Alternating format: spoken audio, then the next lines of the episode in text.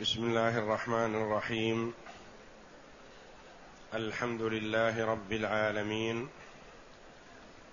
والصلاة والسلام على نبينا محمد وعلى آله وصحبه أجمعين. وبعد. بسم الله. أعوذ بالله من الشيطان الرجيم. إن قارون كان من قوم موسى فبغى عليهم وآتيناه من الكنوز ما إن مفاتحه لتنوء بالعصبة أولي القوة. إذ قال له قومه لا تفرح إن الله لا يحب الفرحين.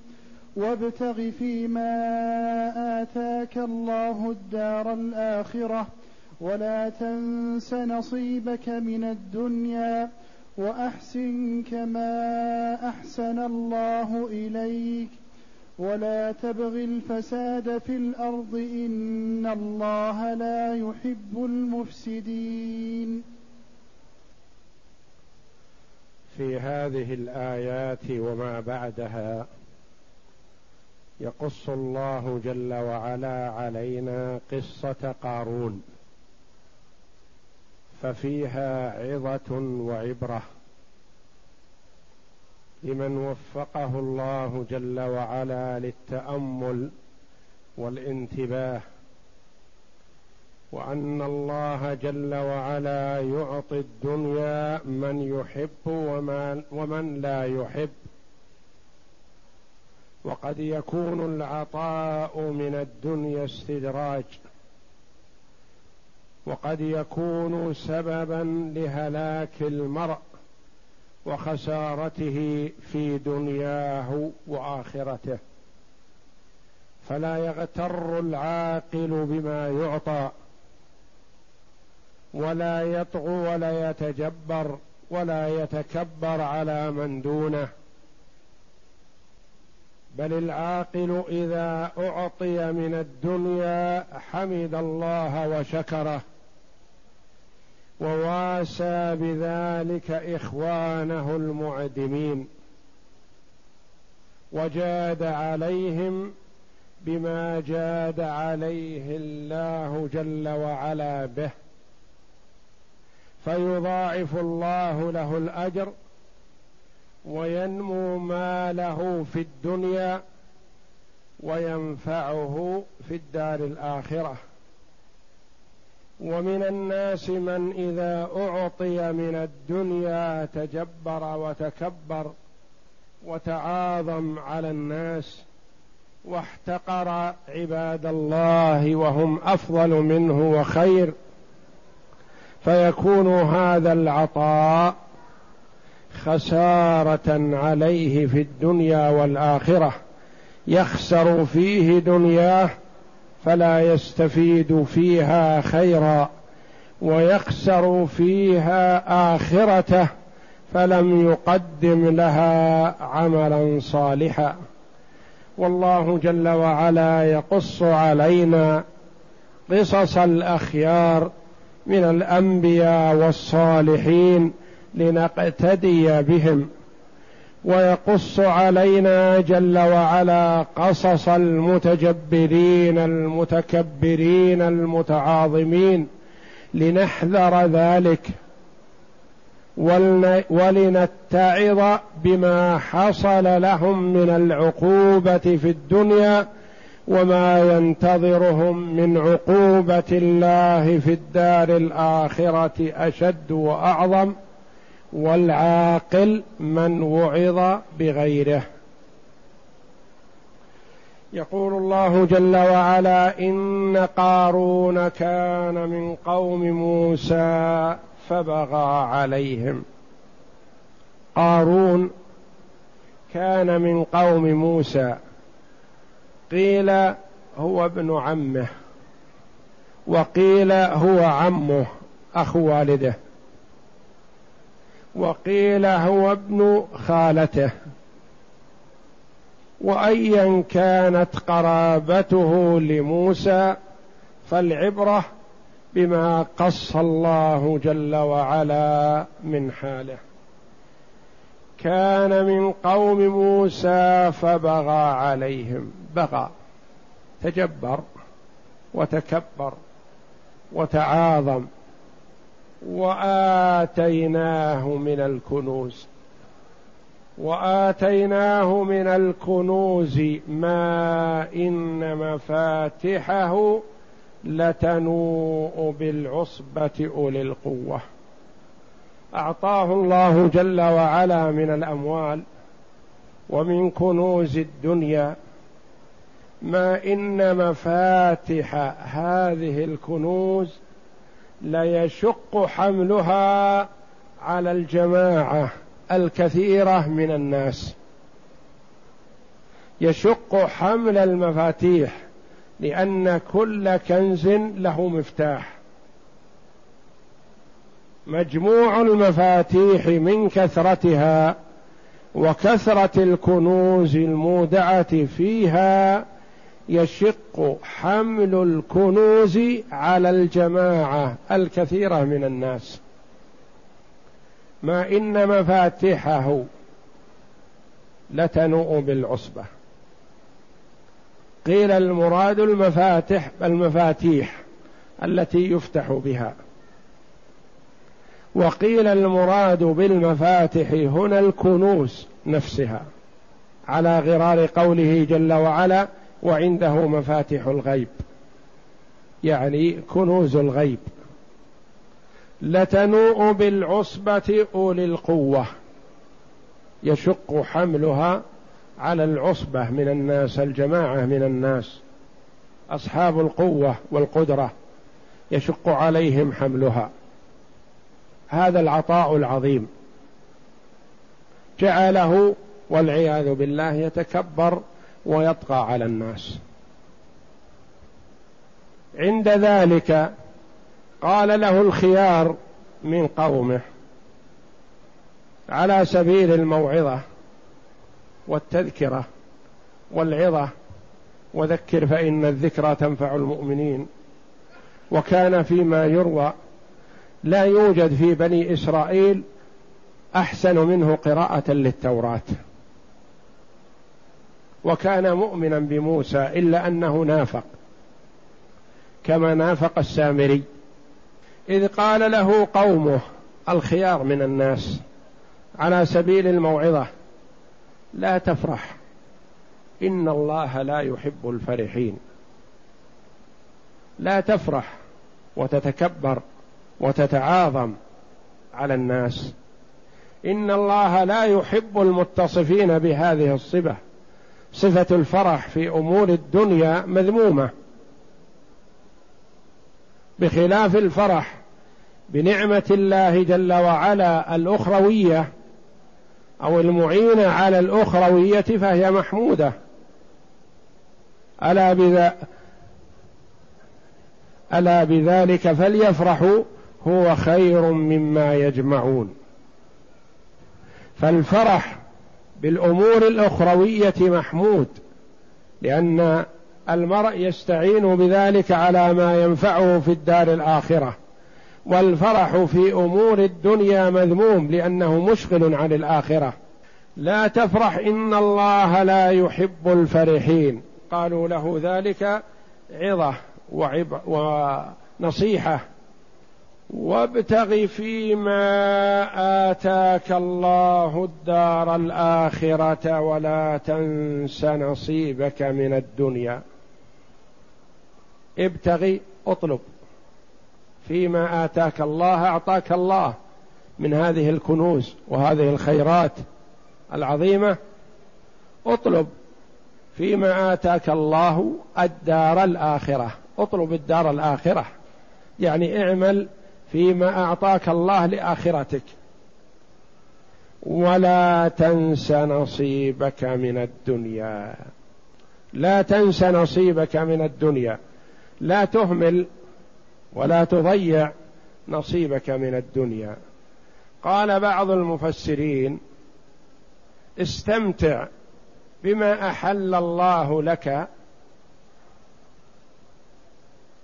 في هذه الحياة الدنيا استمتع بالحلال ولا تنسى أن تنعم على نفسك وعلى من حولك مما أعطاك الله.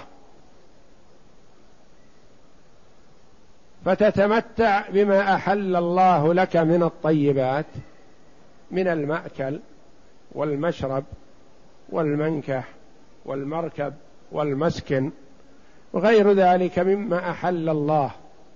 بلا تكبر ولا تعاظم ولا نسيان لحق الله جل وعلا. وقال بعض المفسرين ولا تنس نصيبك من الدنيا. الله جل وعلا جعل الدنيا مزرعة للآخرة. فالمرء إذا زرع في دنياه خيرا فقد استفاد من دنياه وأخذ نصيبه واستفاد من ذلك. وإذا لم يزرع في دنياه خيرا فقد ضيع نصيبه من الدنيا لأنه لم يستعملها فيما أوجد فيها من أجله. هو أوجد في الدنيا ليقدم للآخرة. فمن كان في الدنيا مقدما للآخرة فلم ينس نصيبه. يعني استفاد من نصيبه في دنياه. استفاد في نصيبه من هذه الدنيا فعمل فيها للآخرة. ومن تمتع في دنياه فقط وضيع نصيبه من الدنيا في التمتع فقد نسي نصيبه من الدنيا ولم يأخذ من دنياه خيرا وإنما ضيعها. لم يزرع خيرا لآخرته فخسر الدنيا والعياذ بالله. وإذا خسر الدنيا بأن لم يستفد من دنياه خيرا فقد خسر آخرته كذلك. لأنه لم يقدم في دنياه لآخرته خيرا. ولا تنس نصيبك من الدنيا وأحسن كما أحسن الله إليك. أحسن إلى عباد الله كما أحسن الله إليك. أحسن. أحسن في عبادتك لله كما أحسن الله إليك. وفي حديث جبريل الذي يسأل فيه النبي صلى الله عليه وسلم عن الإسلام والإيمان والإحسان لما سأله عن الإحسان قال أن تعبد الله كأنك تراه. فإن لم تكن تراه فإنه يراك. أحسن في عبادتك لربك جل وعلا اعبده كأنك تراه. واعلم بأنك إن لم ترى ربك في الدنيا فإنه جل وعلا يراك ومطلع عليك. وأحسن كما أحسن الله إليك. أحسن في عبادتك لله جل وعلا ومن الإحسان في عبادة الله جل وعلا أن تحسن إلى عباد الله. مما أعطاك الله. فالله جل وعلا أحسن الله إليك بالعطاء الجزيل. فأحسن إلى عباد الله مما أحسن الله إليك. ولا تبغي الفساد في الأرض. لا تطلب الفساد في الأرض. ولا تسعى في الفساد في الأرض. ومن عمل في الأرض بمعصية الله فقد سعى في الأرض فسادا. بحسب حاله وحال معصيته وتعدي ضررها. لأن الله جل وعلا أوجد الدنيا ليعبد جل وعلا فيها. فمن عمل في الدنيا معصية فقد أفسد وهذا الفساد يختلف. فساد عظيم وعريض وقد يكون كفرا وفساد أقل من ذلك حتى المعصية فساد في الأرض وإن قلت. ولا تبغي الفساد في الأرض. إن الله لا يحب المفسدين. فهو جل وعلا لا يحب المفسدين وإنما يحب جل وعلا المصلحين. يحب الصالحين. يحب من يسعى في الخير ولا يحب من يسعى في الشر. هذه عظة قومه له. بماذا أجابهم على هذه الموعظة الحسنة والتذكير الطيب؟ ما سيقصه الله جل وعلا علينا الآن في الآيات الآتية؟ نعم. أعوذ بالله من الشيطان الرجيم. قال إنما أوتيته على علم عندي أولم يعلم أن الله قد أهلك من قبله من القرون من هو أشد منه قوة وأكثر جمعا ولا يسأل عن ذنوبهم المجرمون. يقول الله جل وعلا عن جواب قارون لقومه الصلحاء الذين بذلوا له النصيحة ونصحوه لو أراد الله جل وعلا له خيرا لأخذ بنصيحتهم. قال إنما أوتيته على علم عندي. أنا كأنه يقول أنا لست محتاج لنصيحتكم وأنا عالم وعارف والله جل وعلا أعطاني ما أعطاني لأنه يعلم أني مستحق لذلك. أن الله يعلم استحقاقي فأعطاني ما أعطاني. قال إنما أوتيته على علم.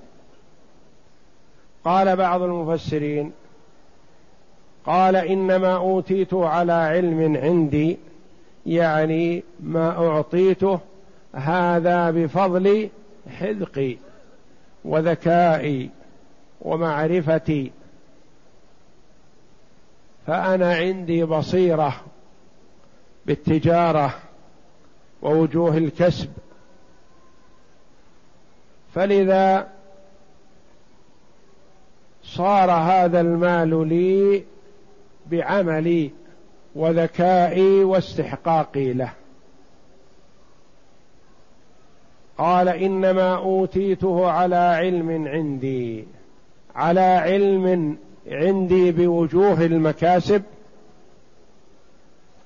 أو على علم من الله جل وعلا أني مستحق لذلك.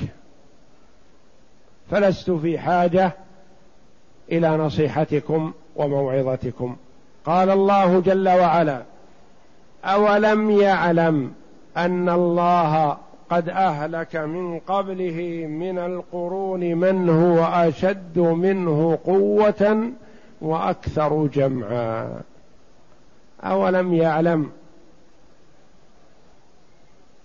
أن الله قد أهلك من الأمم السابقة من هو أكثر منه مال وأشد قوة وأكثر كنوز. فعطاء الله جل وعلا لا يدل على المحبة. فالله جل وعلا أعطى من قبله وأهلكهم. أعطى من قبله وهو يعلم بذلك لأنه عنده علم. أعطى من قبله فأهلكهم.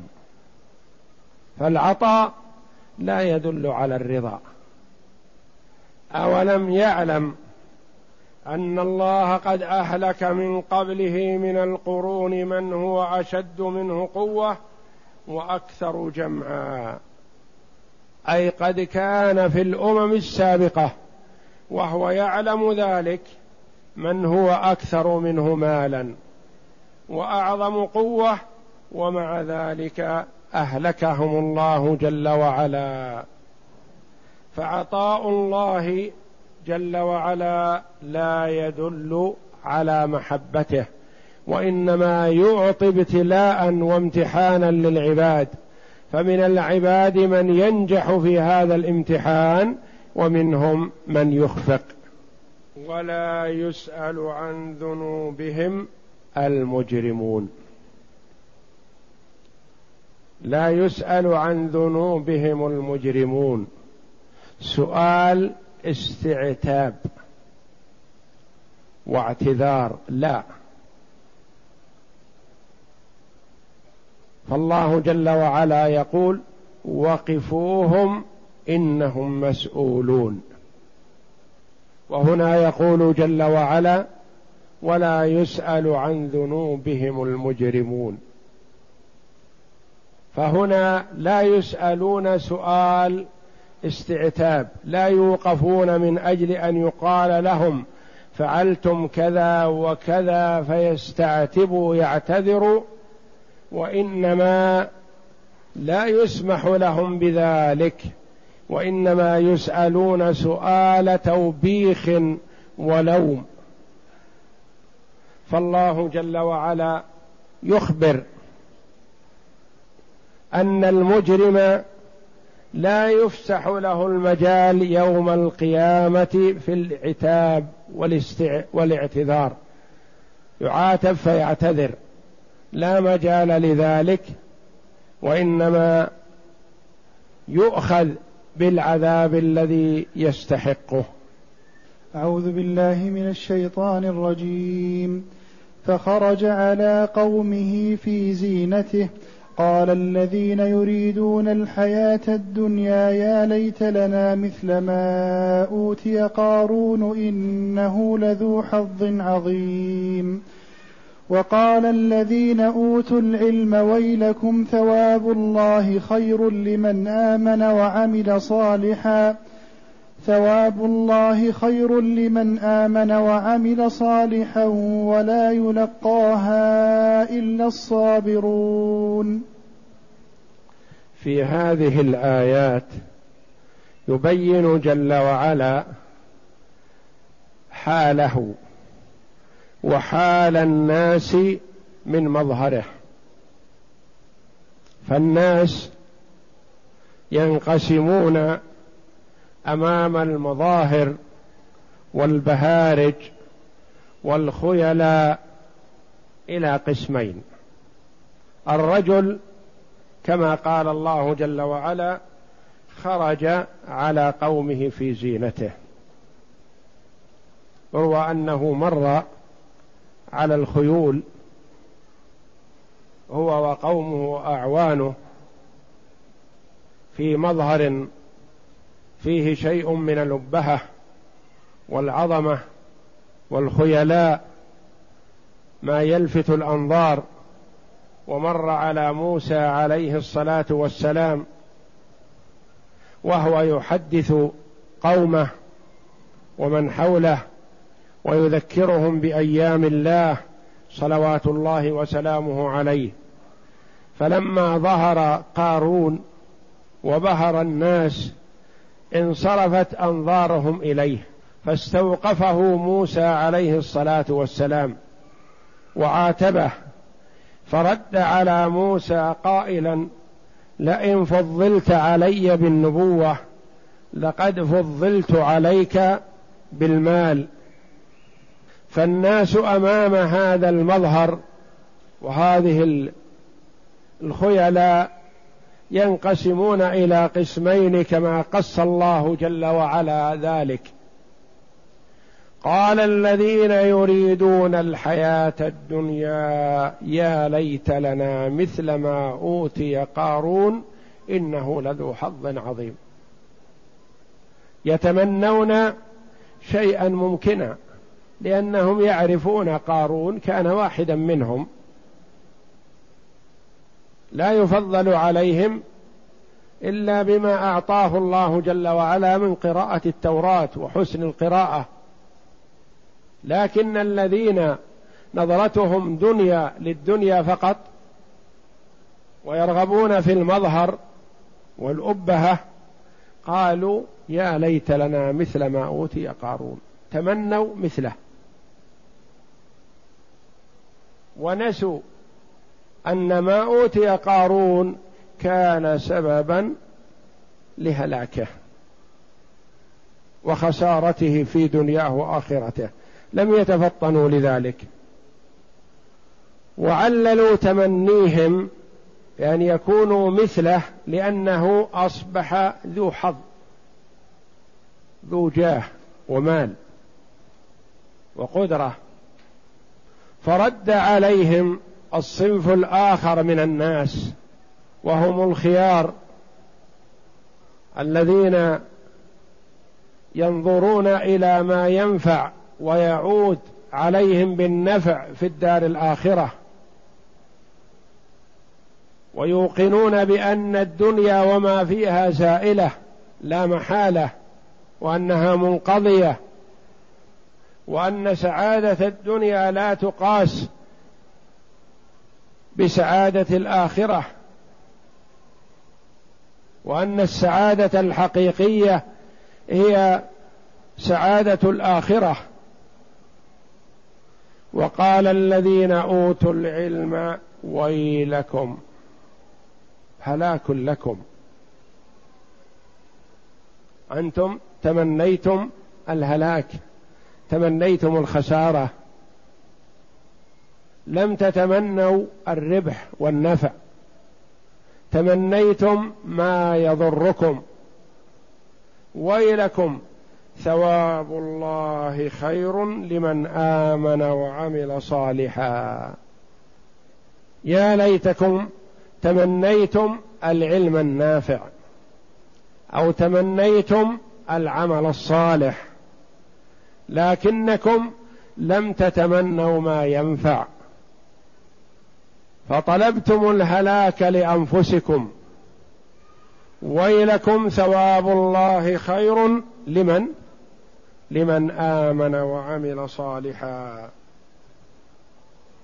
فالله جل وعلا يقول فلا تعلم نفس ما أخفي لهم من قرة أعين جزاء بما كانوا يعملون.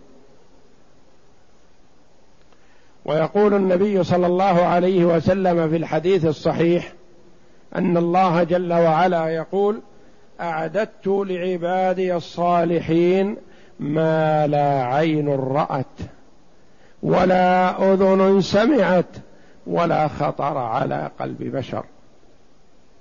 ويقول صلى الله عليه وسلم اقرأوا إن شئتم فلا تعلم نفس ما أخفي لهم من قرة أعين جزاء بما كانوا يعملون. ثواب الله خير لمن آمن وعمل صالحا. فمن وفقه الله جل وعلا للإيمان والعمل الصالح فما أعد الله جل وعلا له في الدار الآخرة خير مما أوتي قارون في هذه قاها إلا الصابرون. قال بعض المفسرين هذه من تمام كلام أولي العلم. يقولون ولا يلقى الإيمان والعمل الصالح إلا من صبر على طاعة الله وصبر عن معصية الله وصبر على أقدار الله المؤلمة من الجوع والعطش والفقر والمرض ونحو ذلك من الأقدار التي تحصل على ابن آدم تؤلمه. لا يلقى الإيمان والعمل الصالح والثواب الذي هو خير في الدار الآخرة إلا من صبر. وقال آخرون انتهى كلام الذين أوتوا العلم عند قوله ويلكم ثواب الله خير لمن آمن وعمل صالحا. فقال الله جل وعلا ولا يلقى هذه الكلمة العظيمة والنصيحة الثمينة النافعة إلا الصابرون. لا يوفق لهذا القول وهذا العمل إلا من اتصف بالصبر. أعوذ بالله من الشيطان الرجيم.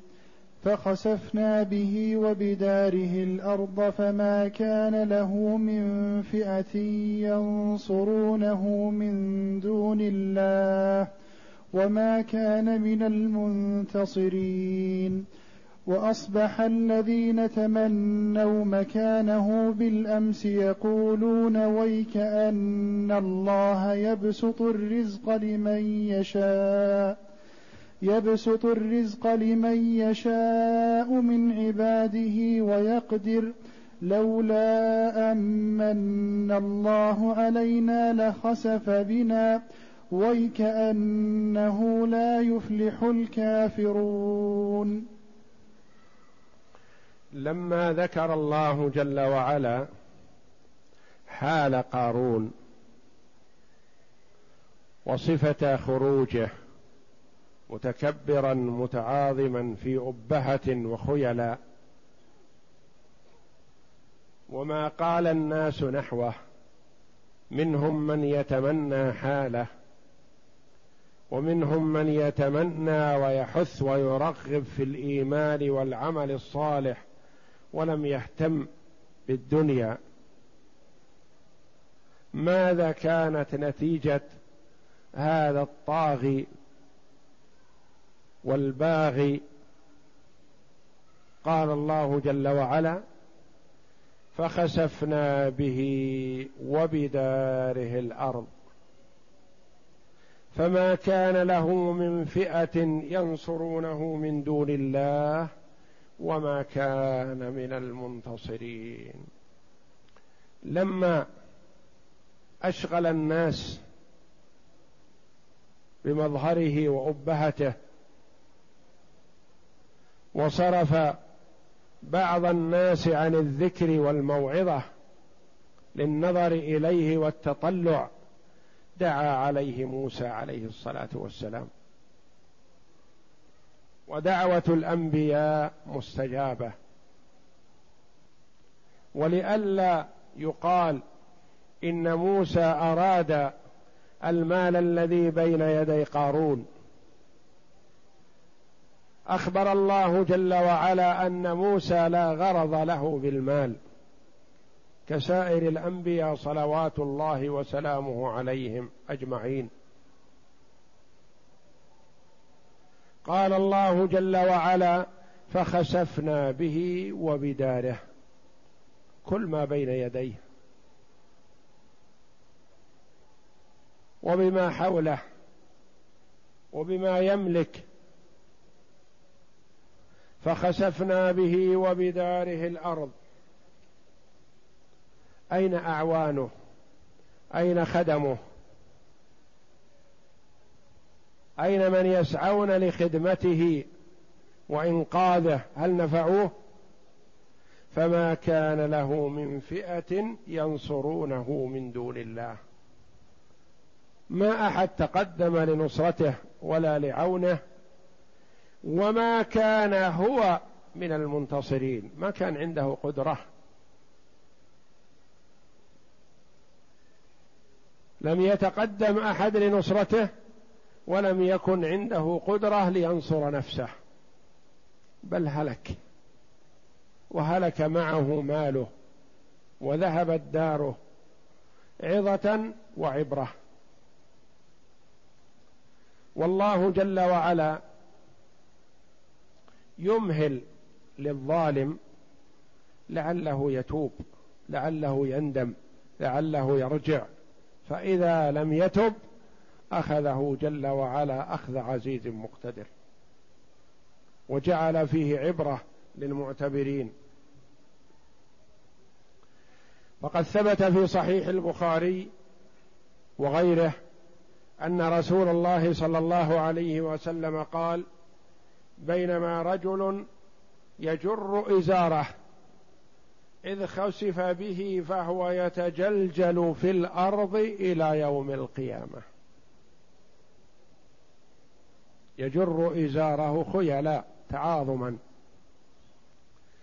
وروى الإمام أحمد رحمه الله عن أبي سعيد الخدري قال قال رسول الله صلى الله عليه وسلم بينما رجل ممن كان قبلكم خرج في بردين أخضرين يختال فيهما أمر الله جل وأمر الله الأرض فأخذته.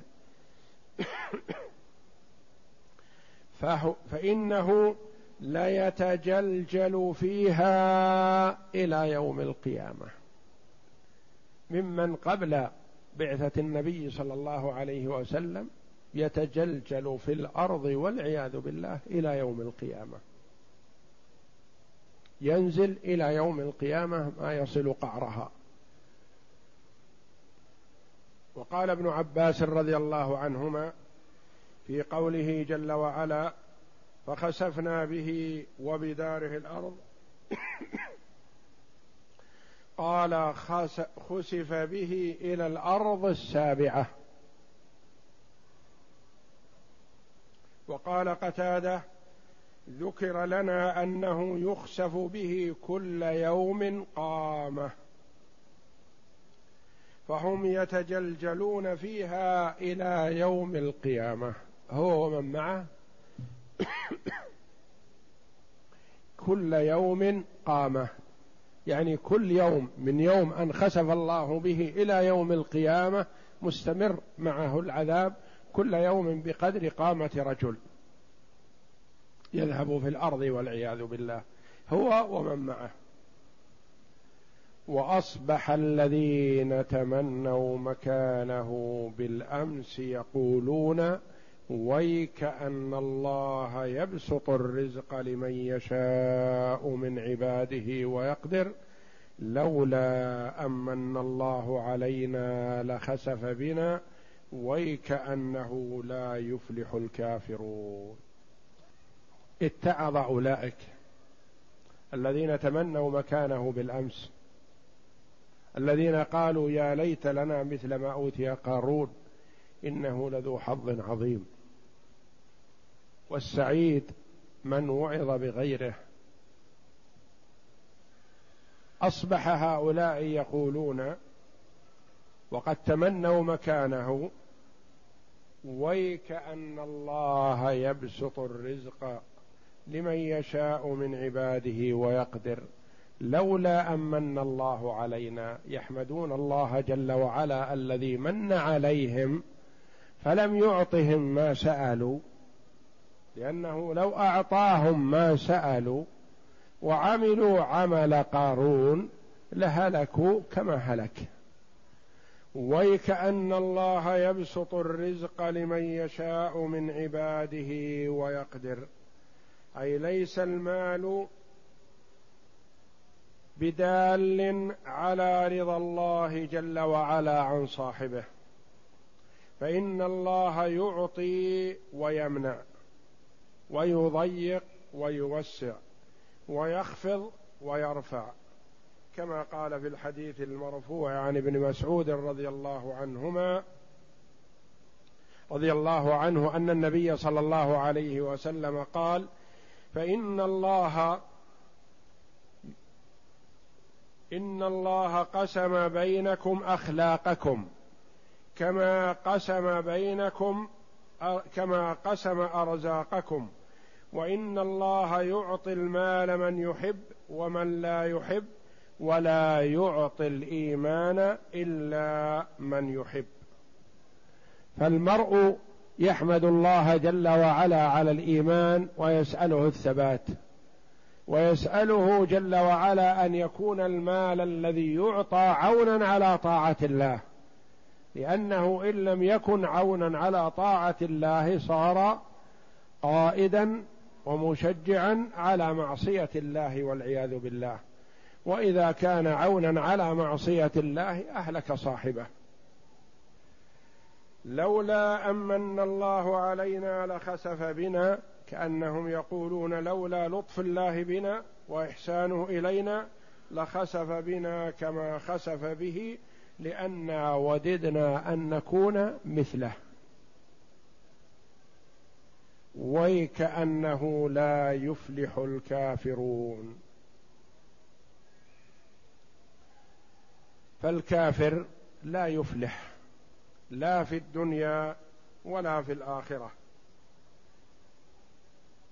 وقد اختلف في معنى قوله جل وعلا هنا ويكأن فقال بعضهم معناه ويلك اعلم أن أنه لا يفلح الكافرون. ويك اعلم أن الله أن الله يبسط الرزق لمن يشاء ويقدر. أي معناها ويلك اعلم أن الله يبسط الرزق اعلم أنه لا يفلح الكافرون.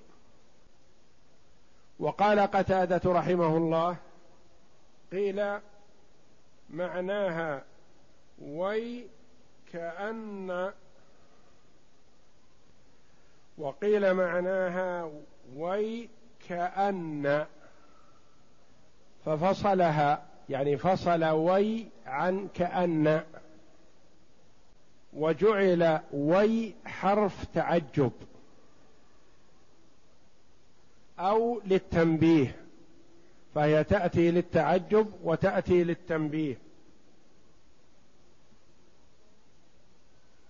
أي بمعنى أظن أو أحسب. وقيل بمعنى ألم ترى. ألم تر أن الله يبسط الرزق؟ ألم تر أنه لا يفلح الظالمون لا يفلح الكافرون؟ وهذه الآيات العظيمة والقصة البينة الواضحة فيها عظة وعبرة لمن وفقه الله جل وعلا. من أعطي من الدنيا فاستعان به على طاعة الله انتفع به في دنياه وآخرته. ومن أعطي من الدنيا فاستعان به على معصية الله خسر والعياذ بالله دنياه وآخرته. أعوذ بالله من الشيطان الرجيم. تلك الدار الآخرة نجعلها للذين لا يريدون علوا في الأرض ولا فسادا والعاقبة للمتقين. من جاء بالحسنة فله خير منها ومن جاء بالسيئة فلا يجزى الذين عملوا السيئات إلا ما كانوا يعملون. نعم. يخبر الله جل وعلا عن الدار الآخرة ولمن هي. تلك الدار الآخرة نجعلها للذين لا يريدون علوا في الأرض ولا فسادا. لما ذكر الله جل وعلا قصة قارون وبغيه وتكبره. بين جل وعلا لمن تكون الجنة. أتكون لمثل هؤلاء أم تكون لصنف آخر؟ قال تلك الدار الآخرة نجعلها للذين لا يريدون علوا في الأرض ولا فسادا. فهذا وأمثاله لا نصيب لهم. في الدار الآخرة في الجنة وإنما مآلهم النار. تلك الدار الآخرة نجعلها للذين لا يريدون علوا في الأرض ولا فسادا. نعيم الدار الآخرة الذي لا يحول ولا يزول بل يبقى دائما وابدا. يجعلها الله جل وعلا لعباده المؤمنين المتواضعين. فهذا حث على التواضع بعد التنفير من التكبر والتعاظم والبغي. الذين لا يريدون علوا في الأرض لا يطلبون التكبر والتعاظم في الأرض لا يريدون ذلك وإنما هم متواضعون. كما وصف الله جل وعلا عباده المؤمنين بأنهم أذلة على المؤمنين أعزة على الكافرين. المؤمن في جانب أخيه المؤمن يكون متواضع محتقر لنفسه بين يدي أخيه كأنه يشعر أن صاحبه أفضل منه وخير منه فيتواضع له. وأما في جانب الكفار فيكون عزيز قوي ذا منعة وقوة لا ضعف وذلة بين يدي الكفار. ولا يريد الفساد في الأرض لا يسعى في الأرض فسادا لا يريد المعصية ولا يحبها ولا يحب أهلها ولا يعمل ما يسخط الله جل وعلا فيكون ذلك إفسادا في الأرض. وأخبر جل وعلا أن العاقبة الحسنة والدار الآخرة والثواب الجزيل للمتقين. لمن اتقى الله جل وعلا. لمن عمل بطاعته واجتنب معصيته. والتقوى فسرها بعض العلماء رحمهم الله بتفسير مانع مختصر وجامع أن تعمل بطاعة الله على نور من الله رجاء ثواب الله وأن تترك معصية الله على نور من الله خوفا من عقاب الله. تترك المعصية لأن الله يبغضها وانت تخاف من عقوبتها. وتعمل الطاعة لأن الله يحبها وأنت ترجو ثوابها.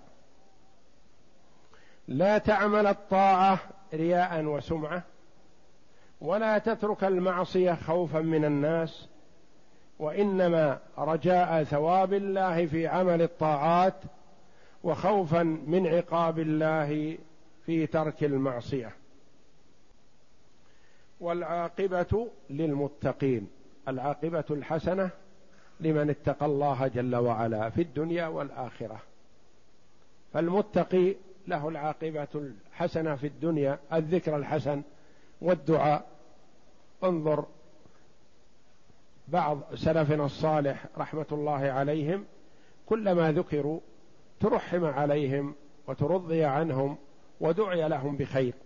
فأعمالهم الصالحة مستمرة بدعوات إخوانهم المسلمين لهم. ثم قال جل وعلا من جاء بالحسنة فله خير منها لأن الله جل وعلا ذو فضل عظيم. إذا أتى المرء بحسنة فله خير منها لأن الحسنة بعشر أمثالها إلى سبعمائة ضعف إلى أضعاف كثيرة. فالحسنة تضاعف بحسب حال فاعلها.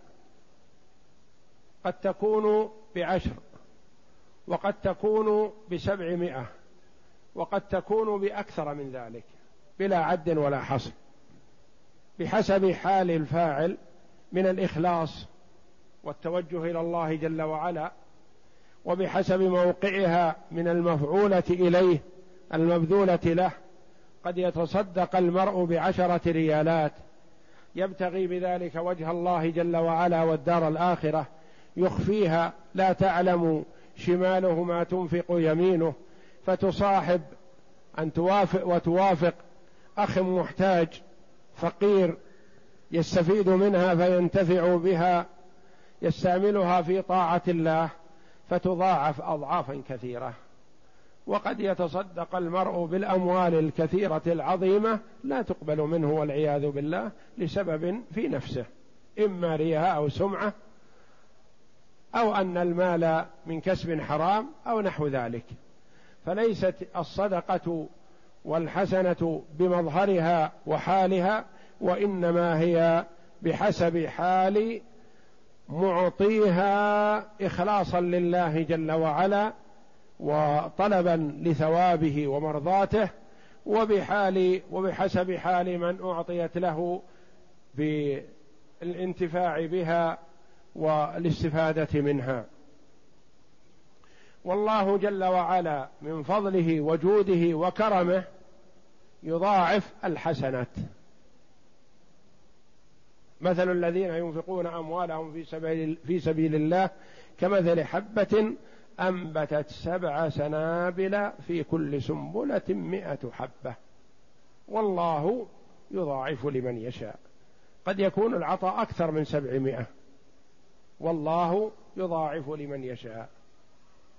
من جاء بالحسنة فله خير منها ومن جاء بالسيئة فلا يجزى الذين عملوا السيئات إلا ما كانوا يعملون. من جاء بالسيئة فيعطى يعاقب على قدر سيئته إن لم يعفو الله جل وعلا عنه. فالله جل وعلا في جانب الحسنات يضاعف. لأنه ذو فضل وإحسان وكرم.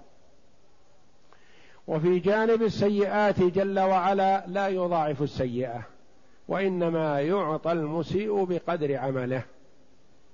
ومن جاء بالسيئات فلا يجزى الذين عملوا السيئات إلا ما كانوا يعملون بقدر عملهم. السيء يعاقبون. والسيئه تختلف. سيئة عظيمة الكفر والشرك يقال له سيئة والوقوع في صغيره من صغائر الذنوب سيئة فهي تختلف فقد تكون عظيمة كبيرة عقابها النار والعياذ بالله كما قال جل وعلا ومن جاء بالسيئة فكبت وجوههم في النار هل تجزون إلا ما كنتم تعملون؟ وقد تكون السيئة صغيرة من صغائر الذنوب يعفو الله جل وعلا عنها وإن لم يعفو عنها عوقب العبد عليها بقدرها بدون مضاعفة. أعوذ بالله من الشيطان الرجيم. إن الذي فرض عليك القرآن لرادك إلى معاد قل ربي اعلم من جاء بالهدى ومن هو في ضلال مبين وما كنت ترجو ان يلقى اليك الكتاب الا رحمه من ربك فلا تكونن ظهيرا للكافرين ولا يصدنك عن آيات الله بعد إذ أنزلت إليك. وادع إلى ربك ولا تكونن من المشركين. ولا تدع مع الله إلها آخر. لا إله إلا هو كل شيء هالك إلا وجهه. له الحكم وإليه ترجعون. ختم الله جل وعلا هذه السورة العظيمة بهذه الآيات المباركة. إن الذي فرض عليك القرآن لرادك إلى معاد. إن الذي فرض عليك القرآن لرادك إلى معاد. من الذي فرض عليه القرآن؟ هو الله جل وعلا. إن الذي فرض عليك القرآن لرادك إلى معاد لباعثك يوم القيامة ومردك إليه ومآلك إلى الجنة. بشارة للنبي صلى الله عليه وسلم. روي هذا عن ابن عباس رضي الله عنه وعن غيره من المفسرين. إن الذي فرض عليك القرآن أنزل عليك القرآن لرادك إلى معاد لرادك إلى مكة. متى؟ في آخر عمرك. ستعود إلى مكة. سيكون مردك اولا إلى مكة ثم إلى ربك. روي هذا عن ابن عباس رضي الله عنهما كما في صحيح البخاري. إن الذي فرض عليك القرآن لرادك إلى معاد أي إلى مولدك. مولدك مكة إنك ستعود إليها.